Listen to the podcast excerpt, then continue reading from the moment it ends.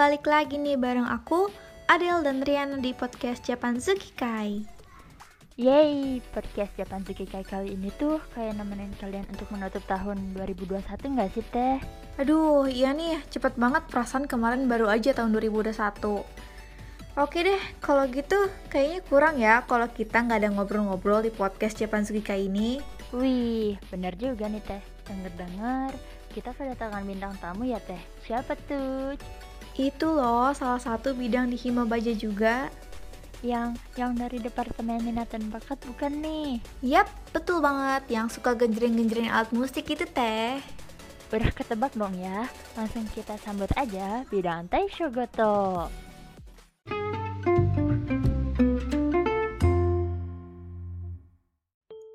Wah, halo teteh-teteh Japan Zuki Kai.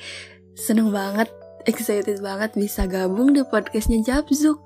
Kita sesama departemen Mikat kan ya. Akhirnya bisa collab juga nih di podcastnya Japzuk. Jadi gak sabar nih mau jawabin pertanyaan-pertanyaan yang udah di lontarkan sama sobat-sobat genjreng di luar sana. Oke, sebelumnya kita perkenalan dulu kali ya dari anggota Taisho Gotonya. Oke, dari aku, perkenalkan nama aku Riva Liva Gunawan di Taisho Goto sebagai PJ Magang. Halo, salam kenal semuanya. Halo semuanya, kenali nama aku Kansalayan Nafila. Aku sebagai PJ Renshu di Taisho Goto. Halo semuanya, perkenalkan, namaku Tifa Zahra dan aku sebagai PJ Magang di Taisho Goto. Halo semuanya, perkenalkan, aku Aprilia Triani sebagai sekretaris di Taisho Goto. Oke, perkenalkan saya Hairuni Sudarmawan, biasa dipanggil Haru, angkatan 2019, jabatan saya sebagai PJ Aransemen. Salam kenal. Halo semuanya, aku Amalia Putri dan di Taisha Goto menjabat sebagai PJ Cover Song. Salam kenal. Wih, rame nih. Halo. Wih, halo, halo. Eh iya, sebelum masuk ke sesi tanya jawab nih, boleh dijelasin dulu gak Taisho Goto tuh bidang yang kayak gimana sih? Sakura Taisho Goto adalah bidang di dalam Departemen Minat dan Bakat Himabace VBS UPI. Bidang ini mewadahi mahasiswa pendidikan bahasa Jepang UPI yang memiliki minat bermusik, khususnya alat musik tradisional dari Jepang yaitu Taisho Goto. Hmm, oke okay, oke. Okay. Nah, kemarin kan udah dibuka ya question box di Instagram untuk bertanya-tanya terkait Taisho Goto.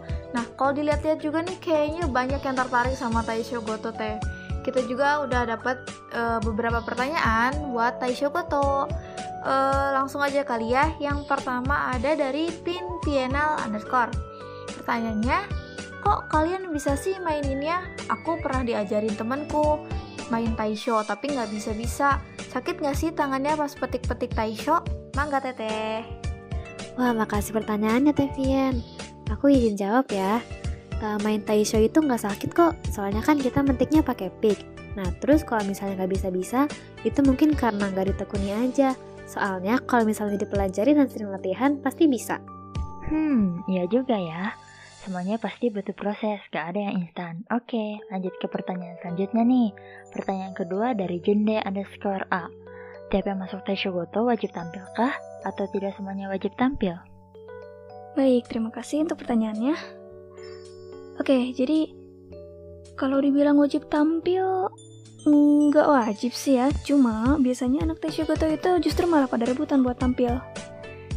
Tapi karena alat musik Taishogotonya terbatas, jadi kita ganti-gantian dulu. Misalnya pada tampil kali ini yang tampil itu si ABCD. Nanti pas ada tampil lagi, gantian sama yang belum tampil gitu. Hmm, benar-benar ya aku sendiri sih juga pasti mau ya kalau debut. Cuma ya mungkin karena alat musiknya terbatas ya jadi ya mau nggak mau eh, nggak uh, bisa tampil sekaligus semuanya. Tapi uh, semangat deh buat anggota lainnya biar bisa sampai debut. Oke deh kalau gitu kita lanjut ke pertanyaan selanjutnya. Ada dari Ghost Panels. Pertanyaannya kenapa Taiso Gotik kebanyakan cewek? Kenapa ya? Oke, terima kasih banyak Akang Ghost Panels untuk pertanyaannya. Kenapa ya Taisho Goto anggotanya kebanyakan cewek? Hmm, mungkin karena populasi di dunia ini kebanyakan cewek kali ya. Eh, canda-canda. Enggak kok. Sebenarnya mah, yang masuk Taisho Goto gak harus cewek. Cowok juga bisa buat masuk dan main Taisho Goto loh. Cuma mungkin kebetulan aja kali ya, tahun ini anggotanya cewek semua. Tapi kalau dilihat dari tahun-tahun sebelumnya, ada kok anggota cowoknya juga. Jadi, terutama nih, buat anak cowok angkatan 2021 yang mau masuk Taisho Goto, gak usah ragu-ragu ya, karena Taisho Goto itu alat musik tradisional yang bisa dimainkan oleh semua kalangan. Oh iya, setauku dulu juga ada tuh anggota Taisho Goto yang cowok kalau nggak salah Kang Zakaria dari angkatan 2018. Segi, pertanyaan dari Tamachi underscore. Main Taisho Goto, kukunya harus pendek nggak sih? Nah iya juga, harus pendek nggak tuh? Kan matik-matik senar. Oke, sebelumnya terima kasih kepada Teh Tamachi yang telah bertanya. Sebenarnya nggak harus pendek kok kukunya.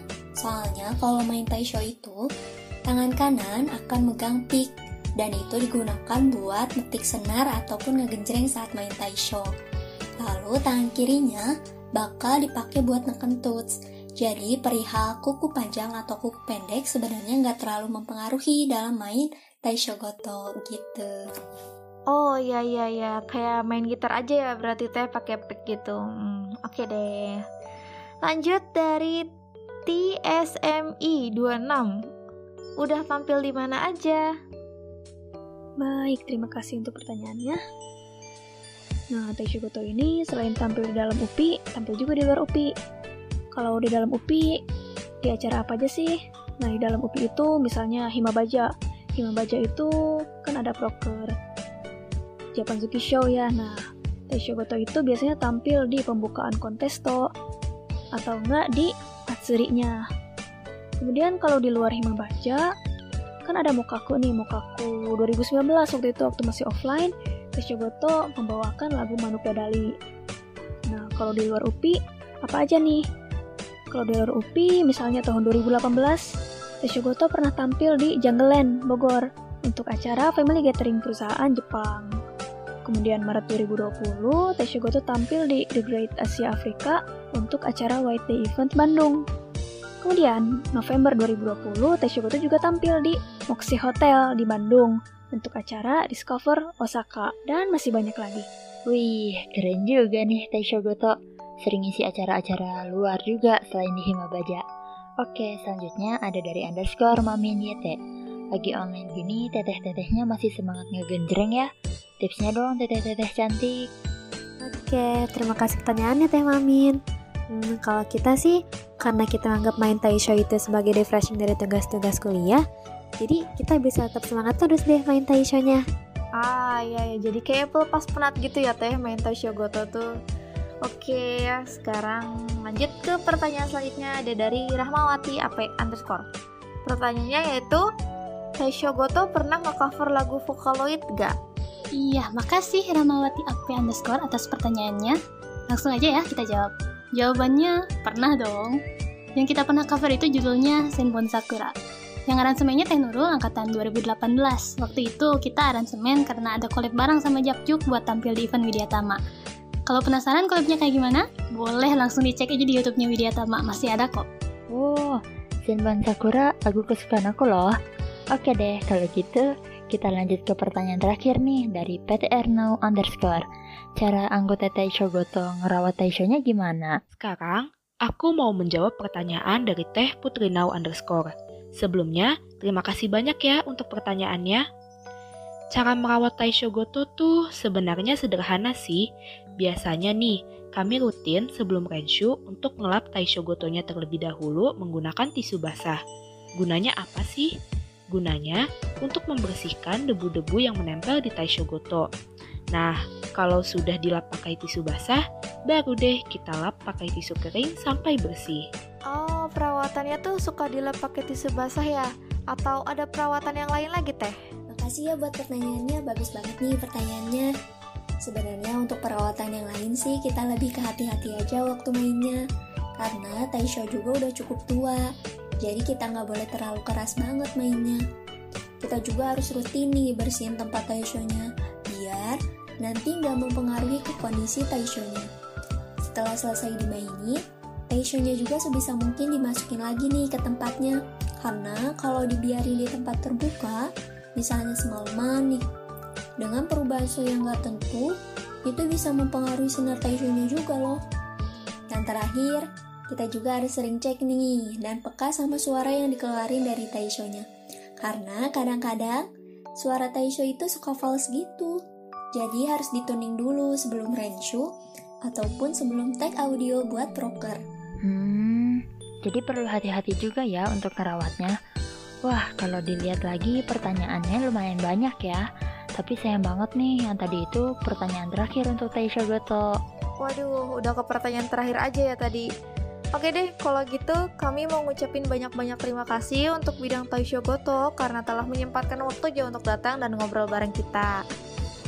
Waduh, gak kerasa ya. Semua pertanyaan-pertanyaannya sudah kami jawab nih. Dan kami berharap banget semoga Sobat Genjreng yang bertanya rasa penasarannya bisa terobati dengan mendengarkan podcast ini. Dan kami Sakura Taisho Goto sangat mengucapkan banyak terima kasih kepada Japanzuki Kai. Kenapa? Karena sudah mengundang kami tentunya ke podcast ini dan podcast ini bisa dijadikan platform untuk kami sharing-sharing ke publik dan ke sobat Ginjreng yang ingin bertanya dan penasaran tentang Taisho Goto. Dan mungkin mereka mau bertanya. Masih banyak gitu yang penasaran tentang Taisho Goto dan mereka bingung tidak ada platformnya dan mungkin mereka ingin mendengarkan secara langsung gitu dari Sakura Taisho Goto-nya. Dan bagusnya Japan Kai mengadakan podcast bersama Taisho Goto ini dan ini mungkin bisa sangat-sangat membantu gitu untuk mereka yang penasaran ingin bertanya tentang Taisho Goto. Pokoknya mengucapkan ya banyak-banyak apresiasi dan terima kasih kepada Japan Kai dan semoga kita bisa selanjutnya masih bisa ngeproker bareng ya Japzuk karena ini seru banget.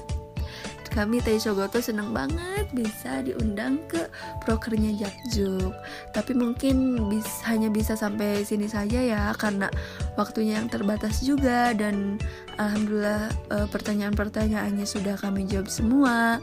Semoga ya semoga bisa terbantu gitu. Dan kami Taisho Goto pamit undur diri dari podcast ini. Terima kasih banyak sekali lagi terima kasih banyak untuk teman-teman yang udah bertanya dan terima kasih banyak juga untuk Japzu. Oke, terima kasih. Bye. Gimana nih, terjawab kan ya di Taisho Goto tuh ada apa aja sih? Atau gimana sih? Kayak ngerawat alatnya, tampilnya di mana, ya kan? Semoga semakin terbayang ya di Taisho Goto tuh gimana. Makasih kepada Kang Tete Bidang Taisho Goto yang udah gabung di podcast kali ini. Makasih juga kepada para pendengar yang udah dengerin podcast ini sampai akhir. Kita ketemu lagi di next episode. Matane, bye-bye.